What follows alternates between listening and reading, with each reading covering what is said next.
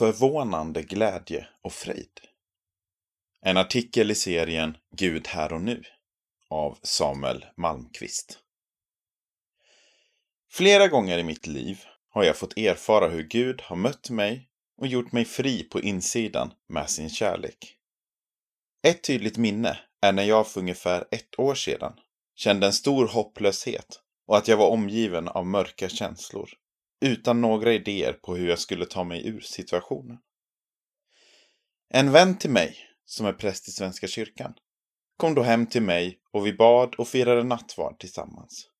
Något som var härligt, men som i stunden inte ledde till någon tydlig emotionell förändring. När min vän hade gått märkte jag dock att mina känslor var helt förändrade. Och att det tunga och mörka jag hade känt istället var ersatt med en enorm glädje och frid på insidan.